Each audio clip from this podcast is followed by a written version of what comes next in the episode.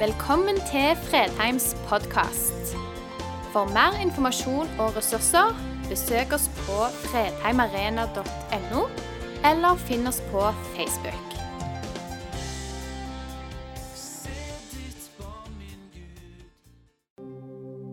Det ber vi deg om for uh, verdens skyld. For mennesker som ennå ikke har sett deg, ennå ikke kjenner deg. La det brenne en flamme i oss. La det du har gjort for oss, fylle oss på en sånn måte eh, at det merkes.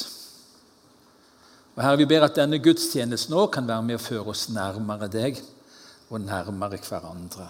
Amen. Det er flott å ha lovsangsteam, og det er flott å ha et bønneteam som ber, og ikke bare ber for oss, men òg lytter om der er noe spesielt Gud minner om. Og vi fikk noen tilbakemeldinger fra bønnemøtet. Og Jeg tar ikke med alt nå, men Gud er en Gud som vil ha fellesskap, nærhet, og det skal vi komme tilbake til i dag. Vi skal få lov å komme til Han med alt, vi skal få lov å dele alt med Han, snakke med Han. Og så er det frelser for dem som har en knust ånd. Uansett hvordan du har det i dag, så er Gud en som kan løfte deg opp, som kan helbrede. Og Det er feil, det som står der nå, og det er helt bevisst, for det er ikke dagens tekst. Derfor står tekst i hermetegn. For I dag skal jeg altså ikke eksegere eller tale over en tekst.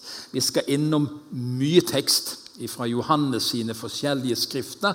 Men vi skal ta utgangspunkt, la det ligge som en sånn ramme rundt det hele.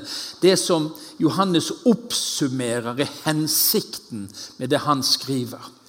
Jesus gjorde også mange andre tegn for øynene på disiplene. Tegn som det ikke er skrevet om i denne boken. Men disse er skrevet ned for at dere skal tro at Jesus er Messias, Guds sønn, og for at dere ved troen skal ha liv i hans navn. Så Når han oppsummerer det han har på hjertet, så sier han dette skrevet med en hensikt. Og Det er, det er et så nydelig og tydelig fokus han har for at vi skal tro. Altså, Sagt litt banalt, du kan åpne Johannesevangeliet og lese deg til tro.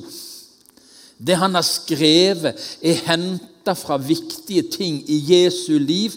Og når du leser det, så kan Jesus bli levende, og du kan komme til tro. Men så har Johannes òg et spesielt fokus for de som allerede er kristne. Og så sier han, 'Uten meg, dere som har kommet til tro' Det er ikke sånn at du kommer til tro, og så går du videre. Men vi kommer til tro, og det vi skal gjøre Vi kan ikke gjøre noe uten Han. Og Vi holder oss til en ganske enstemmig urkirkelig tradisjon som sier at det var Jesu disippel Johannes som har skrevet Johannesevangeliet. Det er nesten så jeg har ikke lyst til å lese kommentarer for tiden, for du blir så forvirra. Den ene sier det, og den andre sier det. Så da var det godt å lese noen gamle, solide kommentarer som var tydelige på at urkirken var entydig enig om at dette skrevet av et øyevitne som var nær Jesus, kjente han.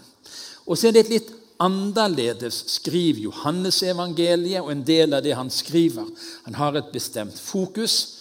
Og dette Johannes-evangeliet som vi leste fra, det ene verset, det er kalt et åndelig evangelium.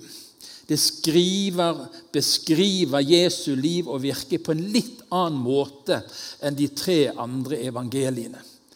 Og Det er skrevet seint, utpå 90-tallet.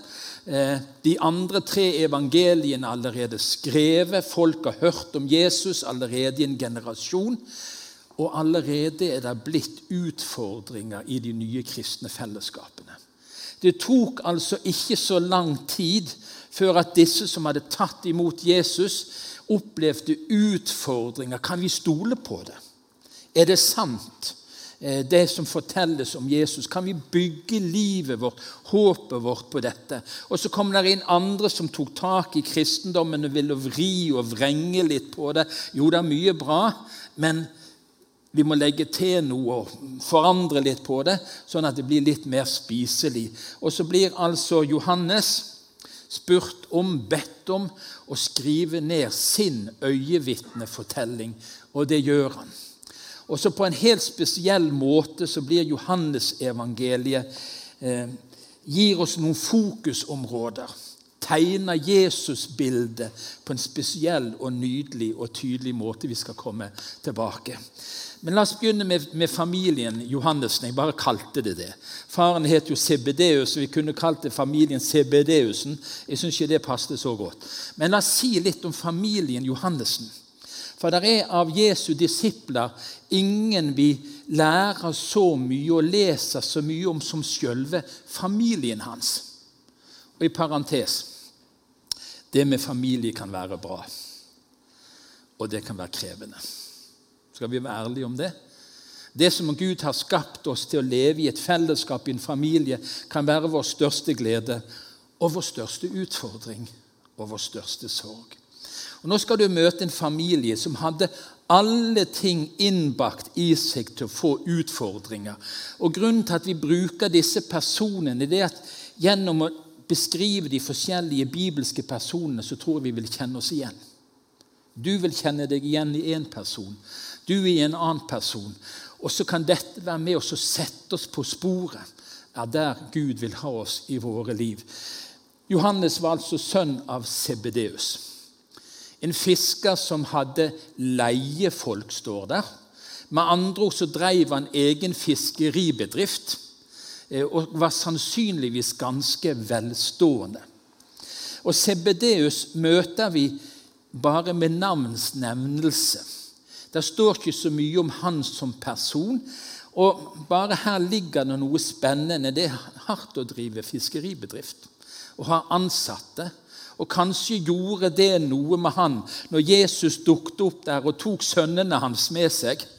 De som kanskje skulle bære arven videre og drive fiskeribedriften videre. Og så dukker Jesus opp. Og det har skjedd i mange familier. At det er mennesker kom, hvor familien har hatt tanker om deres vei og deres framtid, men så møter de Jesus. Og så kommer det en forandring inn i livet. Vi leser om broren Jakob. De var et radarpar, disse her to. Jakob og Johannes. Og han har vært eldst. Og Det er ganske spennende, for det begynner med i evangelieteksten at det står Jakob før Johannes. Rekkefølgen går etter alder. Men seinere, når vi kommer til apostlenes gjerninger og i kirkens urkirkelige tradisjon, så er Johannes den som kommer først. Det kan være krevende når eldstebror blir forbigått av yngstemann. Her ligger det kime til utfordringer og spennende og krevende situasjoner. Det er ikke så enkelt når noen vokser forbi og tar førsteplassen. Jeg tror mange kan kjenne seg igjen i disse tingene. Og så har vi moren. Hun var en myndig dame. Hun var en spesiell dame. Vi skal komme litt tilbake til henne litt seinere. Hun hadde ambisjoner på sine sønners vegne. Og Er det noen mødre og fedre som kan kjenne seg igjen i det, at vi har våre egne ambisjoner? Og Av og til er det jo sånn spesielt i idrettssammenheng at hvis far og mor ikke har lykkes, så vil de at ungene skal lykkes. Og så presser vi de inn i mønstre fordi vi har egne ambisjoner på vegne av våre barn. Men som seinere i Salome sitt liv og i bibelhistorien ser vi henne ved de helt sentrale begivenhetene rundt Jesus. Hun var der under korsfestelsen. Eh, det skjedde noe i Salome sitt liv. Hun som først var ute etter å posisjonere sønnene sine. I møte med Jesus så ble det en forandring. Og Her er det altså mange relasjoner i denne familien som kunne gi grunnlag både for konflikter brødrene imellom og ektefellene imellom. Og Det at vi ikke hører mer om Sibedeus, hva betyr det? Ble det et skille inn i familien? hvor Salome og guttene fulgte Jesus. Og han ble igjen der med strandkanten og dreiv bedriften. Vi leser, Nå legger vi jo litt inn i det. sant? Vi fantaserer litt. Men prøv å se for deg en familie. Se for deg en familiebedrift. Se for deg de som har planer og tanker for familien og barnas framtid. Og så dukker Jesus opp, og så snus det på hodet. Så blir det nye utfordringer. Jeg tror det er mange i vår tid som kan kjenne seg igjen i det at når Jesus kommer på banen, så er det ikke alle som tar imot det på samme måten. Det kan skape utfordringer innad og i en familie. Det andre vi skal se litt på, det er noe uendelig sterkt, oppmuntrende, utfordrende. For det skjer en forvandling, en forandring, i de to brødrene sitt liv. I Markus eh, kapittel 3 så står det Jakob, sønn av Sebedeus, og hans bror Johannes. Disse kalte, altså Jesus kalte de for Boanerges, som betyr tordensønner. Eh, vi skal jo være forsiktige med å gi hverandre kallenavn. Og Jeg vet ikke hvilket kallenavn du hadde fortjent eh, hvis vi skulle liksom ta noen personlighetstrekk, noe som kjennetegnte deg, og si 'du din' Jeg tror ikke noen hadde likt det, du din tordensønn. Jeg tror ikke det opplevdes veldig positivt å være tett rundt Jesus. Hvem er det du har med deg, Jesus? Nei, det er tordensønnene Jakob og Johannes. Men, men, dette var de kalt, og med god grunn. Vi møter det i Lukas kapittel 9. Jesus vil innom en samaritansk by på vei til Jerusalem. Han ber disiplene gå foran for å få et husly, få en plass å overnatte på veien inn mot Jerusalem. Men så er det ingen som vil ta imot Jesus. og Det står i teksten det fordi de så at han hadde ansiktet sitt vendt mot Jerusalem. Jesus hadde et mål, Jesus hadde en retning, og de i Samaria som ble utfordret til å ta imot han og gi han husly, de nekta. Og så kommer Jakob og Johannes. Da disiplene Jakob og Johannes fikk høre dette, sa de, 'Herre, vil du at vi skal by ild fare ned fra himmelen og fortære dem?' Det er gode disipler. Det er noen som har lært av Jesus. Kan du tenke deg at noen som vandrer sammen med Jesus, de tar det skikkelig dramatiske utgangspunktet. Det, følelsene løper av, av gårde med dem, og så kommer det noe som Jesus må irettesette ganske tydelig. Hør, jeg er kommet for å frelse. Hva er det dere tenker på? Jeg er kommet for å hjelpe. Jeg er kommet for å gjenoppbygge. Og så er det det dere tenker på. Nå ser jeg utover forsamlingen her og ser om det er noen hissigpærer her. Noen tordensønner. Det hender at vi sier noe vi ikke skulle ha sagt. Gjør vi ikke det? Og på det åndelige området, når vi tar Jesus i forsvar. Og når vi omtaler andre mennesker, kanskje av andre religioner, av annen tro så tror jeg noen av oss må bare innrømme vi har gått feil. Vi har talt om de på måter som ikke er sånn som Jesus ville ha talt om de. For vi blir utfordra av det fremmede, det annerledes. De menneskene som ikke omfavner Jesus. Ja, Jesus, du får sannelig gi dem det de fortjener. Og vi vet hva vi syns de fortjener. Skal vi la ild og svovel Eh, komme ned fra himmelen. Sier Jesus, hva, hva dere tenker på? Men sånn var altså disse to sønnene. Og så dukker moren opp. Og Hun var ganske frimodig på vegne av disse to sønnene sine. Da kom Sebedeus-sønnenes mor til ham sammen med begge sønnene. Ser du moren der? Og gutta på, på slep. Prøv, prøv, å se det for deg. Her kommer den Salome, den myndige damen. Eh, og så kommer hun der med gutta på slep og sier han, 'Jesus, jeg har noe jeg vil spørre deg om. Du, du ser de der to guttene mine. Jeg syns de skal få flytte lenger fram med bordet. Så når du setter det, kan ikke de få sitte tettest på. Jeg syns de fortjener det. Det er jo ingen mødre her som tenker sånn at sine barn er så spesielle. Men, men ok, altså, der er noe i oss som av og til gjør at vi rent menneskelig går langt utover det som er sunt og fornuftig. Og her trør altså Salome til. Og så sier Jesus, 'Kvinne, vet du hva du ber om?' Kan du drikke den kalken som jeg skal drikke? Ja, hun prøver seg. Hun sier, 'Ja, det skal jeg. Det skal jeg klare', sa hun. Og så er det et eller annet i oss som gjør at vi har kanter, utfordringer, personlighetstrekk som er krevende for andre mennesker å leve med. Og som Gud òg kjenner ikke bygger opp, men det river ned. Så skjer det en forandring. Tordensønnen Johannes, for det er han som seinere får et nytt navn.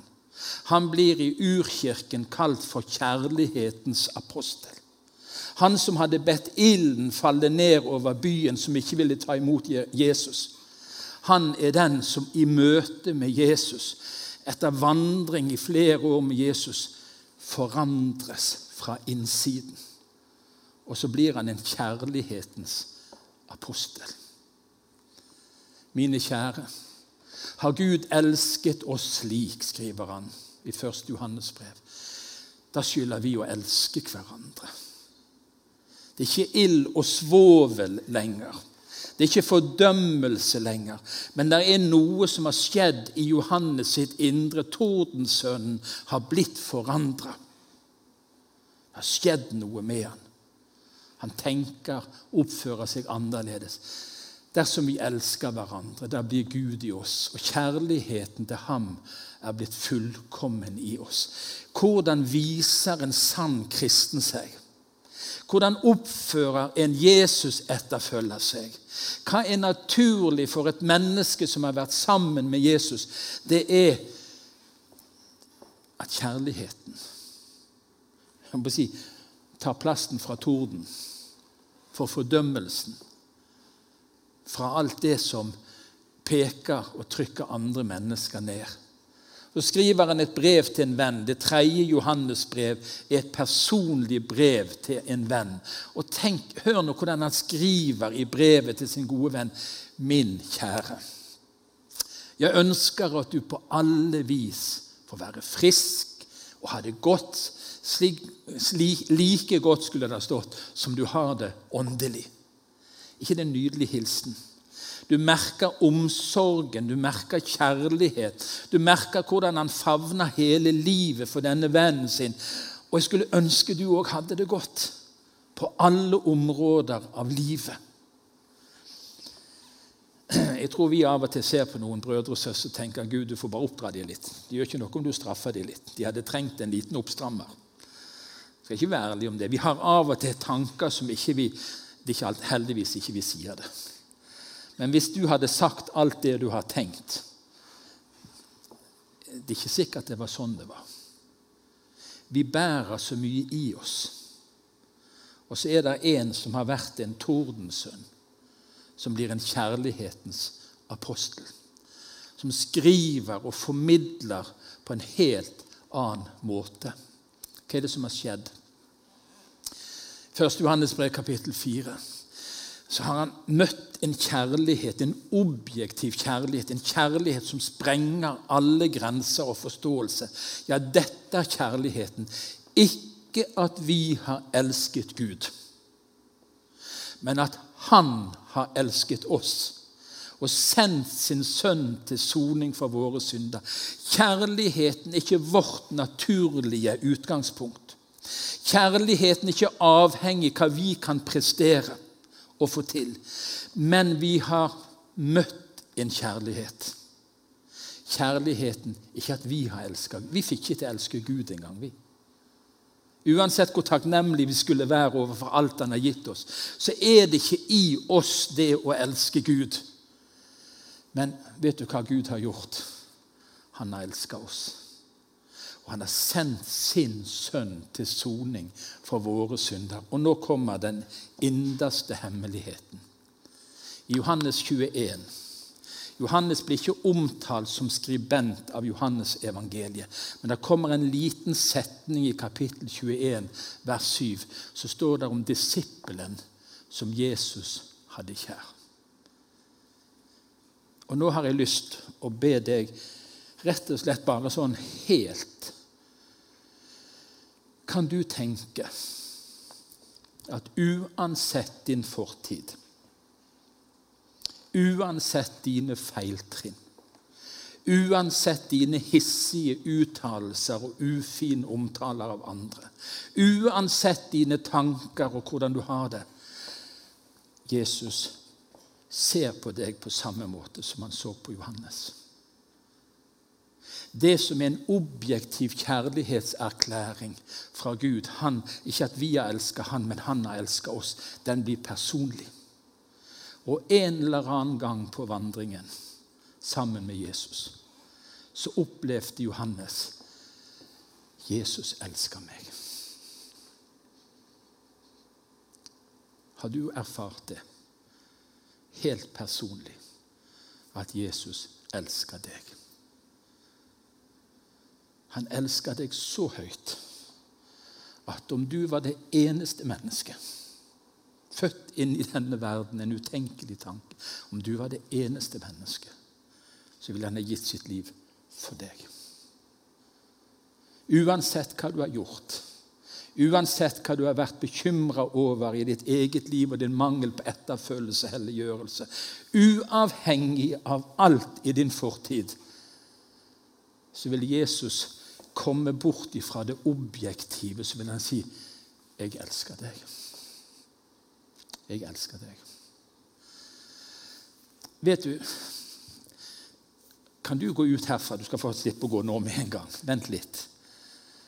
Men jeg er altså den disippelen som Jesus hadde kjær.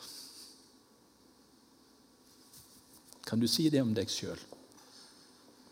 Jeg er den disippelen som Jesus har kjær. Her ligger kraften til forandring. Her ligger den eneste muligheten til at det skapes noe i oss som gjør at vi kan forandres. Du har hørt Esops fabler. En av Esops fabler handler om vinden og solen. Der går en kar der med stor frakk og jakke tett om seg. Og så sier vinden 'Jeg skal klare å få av han jakken'. Og Så går han i gang med å blåse når det har vært storm i natt, så vi har merka hva vinden kan gjøre. Det er ingen som hiver jakken av i stormen. De tar han på seg. Jeg så et intervju fra Farsund i går. Eh, han sto der med regndress og innsnurpa, og alt var liksom Han sto der i vinden. Han tok han ikke av seg. Og så begynner solen å skinne, og så hiver han frakken. Hør hva det står i Romane 2. Skjønner du ikke at Guds godhet driver deg til omvendelse? La deg elske, gode venn. La deg elske. Utsett deg for en nåde uten grenser.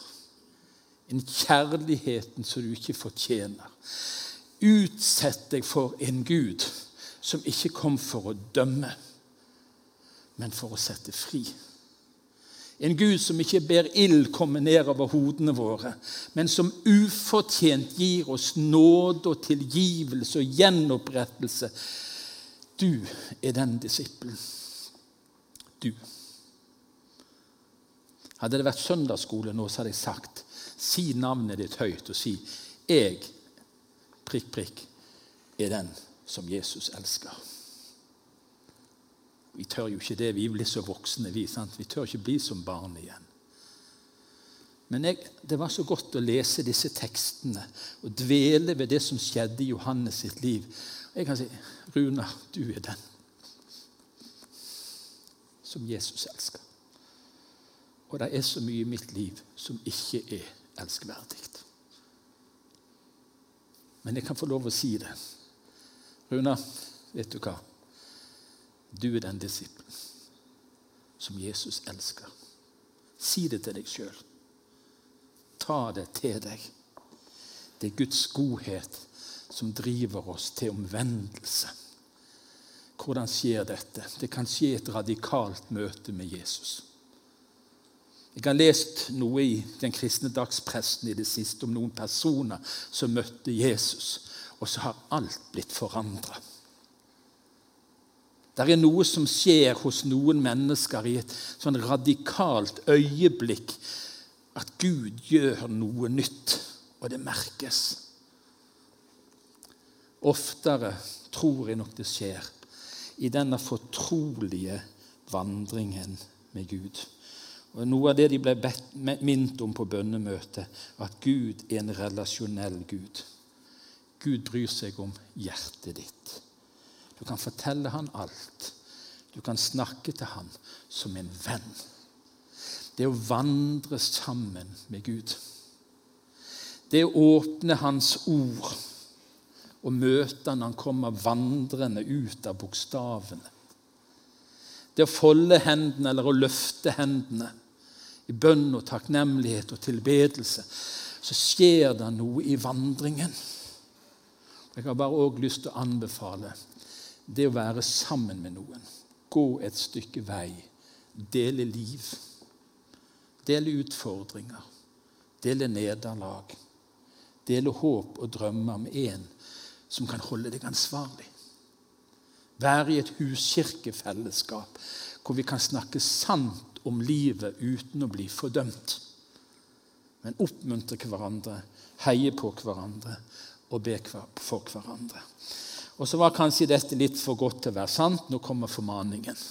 Ja, ja, ja. Det var mye nåde og kjærlighet, men det måtte jo bli Du skal få lov å møte seeren Johannes. Men det er en misforstått oppfatning av det ordet formaning. Vi tenker at det er pekefingeren og irettesettelsen. Men i Bibelen så er det en veiledning som når foreldrene formaner barna sine om hvordan de skal leve. Det handler om oppmuntring, det handler om trøst. Det handler om å vise de gode mulighetene som ligger der. For Johannes evangeliet, 1. Johannes brev, 2. Johannes brev Johannes' åpenbaring har så mye formaning i seg. Og Hvis vi da tenker ja, nå kommer jeg visste at det var for godt at han bare skulle være glad i meg, så skal ikke formaningen ødelegge det bildet. Formaningen er en hjelp til å la den kjærligheten bli praktisert og bli virkeliggjort i våre liv. Han ble kalt kjærlighetens apostel, og han ble kalt seeren. Johannes så lenger. Det var et eller annet med han som lå inntil Jesu bryst der ved nattverdmåltidet. Det var noe Johannes så noe som Gud betrodde Johannes å se. Og Jeg har så lyst at vi skal få lov å ta det med oss. I Johannes' åpenbaring skriver han salige den som leser ordene i denne profetien. Og salige, salig det Salig det er en sånn ekstraordinær glede som er annerledes. En tilfredsstillelse som går djupere. Salige er de som hører dem og tar vare på det som er skrevet, for tiden er nær folk. Det skrev han for snart ja, Det nærmer seg 2000 år. Så skrev han 'Nå tiden nær folk'. Og så kommer Johannes' åpenbaring. Nå lever vi i 2022. Vi kan i alle fall si at tiden er nærmere. Sant? Og så sier seeren Hør, hør nå. Ta vare på det. Nå skal vi ta med oss to av de hovedfokusene, ganske kort, som er tydelig å gå gjennom Johannes evangeliet og breven hans. Hvis dere blir i meg, og mine ord blir i dere. Og dette er mitt bud. Dere skal elske hverandre slik jeg har elsket dere. Hør nå. I begynnelsen var Ordet. Ordet var hos Gud og ordet var Gud. Han var i begynnelsen hos Gud. Alt er blitt til ved ham, og uten ham er ikke noe blitt til. Dette er om Jesus. Det var derfor han måtte skrive sitt evangelium, for det kom inn andre som talte om logos, ordet, på en helt annen måte, og ødela Jesusbildet, som de som hadde kjent han og møtt han ville formidle. Og så tar Johannes sats. Så skriver han noe av det vakreste, mest poetiske som er skrevet gjennom historien. Uansett tro eller ikke. I begynnelsen var Ordet. Ordet var hos Gud, og Ordet var Gud. Han var i begynnelsen hos Gud. Alt er blitt til ved ham. Du er blitt til ved ham. Alt det skapte er blitt til ved ham. Johannes løfter fram Jesus som ordet. Og så sier han dette har jeg skrevet til dere for at dere skal vite. Altså, Det er det skriftlige. Hvordan har du det med Gud? Nei, jeg, jeg slår opp her. Jeg tror jeg leser det her heller enn å lese det her. Han har skrevet til oss for at vi skal vite. Ordet. Johannes drar oss inn i en avhengighet av ordet. Og Jeg husker jeg som tenåring i en periode jeg sleit med bibellesingen min, ble skikkelig sint på en predikant på en påskeleir. For Han sto foran oss ungdommer der med en stor sånn svart predikantbibel. Så sa han du har det med Jesus sånn som du har det med ordet hans. sa han. Så tenkte jeg du skulle bare ha visst for noe tull. Jeg, jeg hadde gått med Jesus, jeg. Jeg hadde det bare ikke godt med ordet hans. Og så er det både noe rett i det og noe galt i det. For det er klart det er faser i livet hvor mennesker ikke kan lese Guds ord. Og Det er mennesker som ikke har en bibel. Du er klart du kan ha det rett med Jesus og ha det rett med Gud. Men vi som har fått det, vi som er blitt velsigna med det, så er det noe sant i det òg. Og jeg må bare si det for min egen del. Det, det er her jeg treffer han mest. Av og til så taler han irriterende treffsikkert inn i mitt liv. Av og til så tenker jeg hva det er skrevet til meg. Fordi han er her. Han er Ordet. Jeg vil bare oppmuntre deg til å la deg utsette for Jesus i Ordet. Han er Ordet. Og så var det kjærligheten. Vi vet jo at vi er gått over fra døden til livet fordi vi elsker våre søsken. Den som ikke elsker, blir værende i døden. Det er heftig rett fram. Jeg er glad for det at jeg er glad i Guds folk. Fordi det, det hjelper meg til å, å, vite og tro. At hører til den flokken. Og det er mange som har erfart det at nei, det å bli en kristen og henge med de der hengehovene, det er det siste jeg skal gjøre de der gamle, traurige bedusfolkene, pietister og bakstreverske og mørkemenn og alt så gale er. Og så møter du Jesus. Og så skjer det noe inni deg. At du blir glad i det folket. Du blir glad i de menneskene på en forunderlig måte. Det handler ikke om du er enig med dem om alle ting. Men du kommer i slekt, i familie med dem. Og I en familie kan vi tåle ganske mye uenighet om forskjellige ting. Og så er vi glad i hverandre fordi vi er søsken, fordi vi er familie. Mine barn, så kommer det neste. Det er ikke bare en følelse, dette her. La oss elske ikke med tomme ord, men i gjerning og sannhet. Skriver den tidligere Tordensønnen. Han med ambisjoner. Han fra en velstående familie han som på en måte hadde alle utsikter til et enkelt liv. Og så møter han Jesus, og så slår han seg i følge med han, og så skjer det en forandring. Og så sier han vi kan ikke bare snakke om det. Vi må praktisere det. Og jeg kjenner meg utfordra når jeg leser det. Hvordan i mitt hverdagsliv merker folk at jeg bryr meg på ekte? at det er mer enn ord. Det er så lett å si etter en gudstjeneste jeg skal be for deg, og det er viktig. sant? Og så går de ut, og så er de glemt. Men det der har du merka i ditt liv når noen bryr seg i praksis. Så Nadine sa på denne lille filmen som dere så, en familie som har og har hatt store utfordringer og som har opplevd i huskirken sin et fantastisk vitnesbyrd om kjærlighet.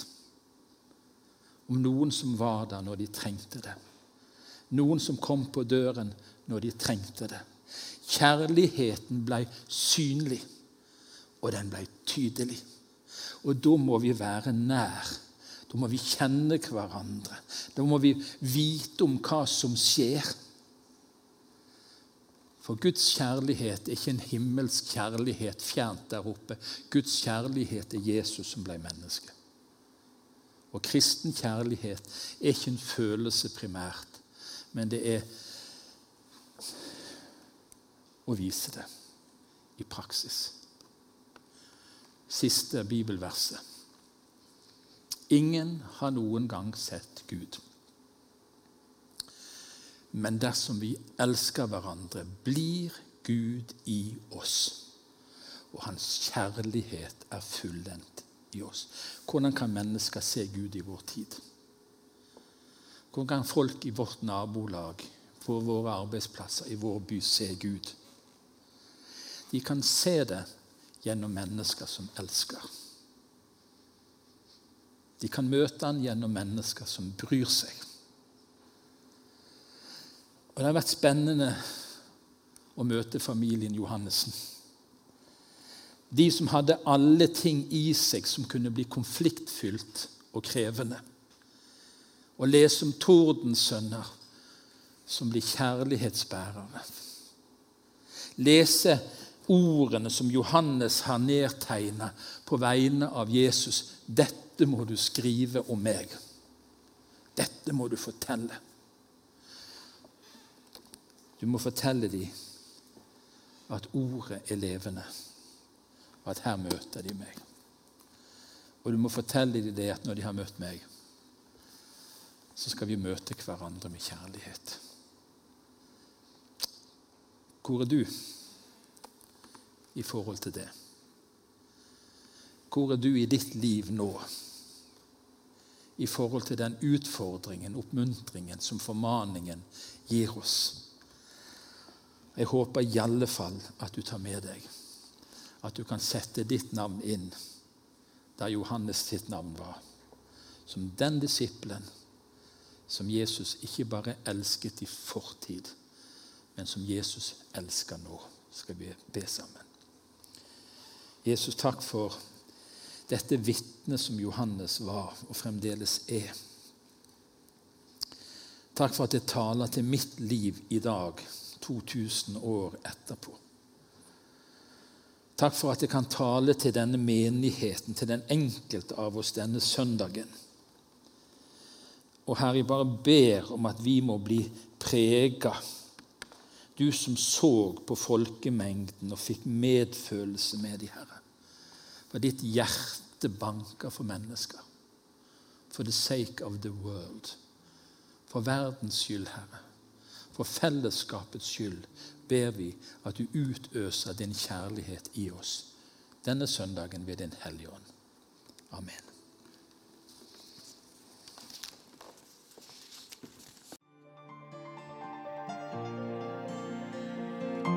Takk for at du valgte å høre på. Nye opptak legges ut hver uke. Vi har gudstjenester hver helg, og du er hjertelig velkommen.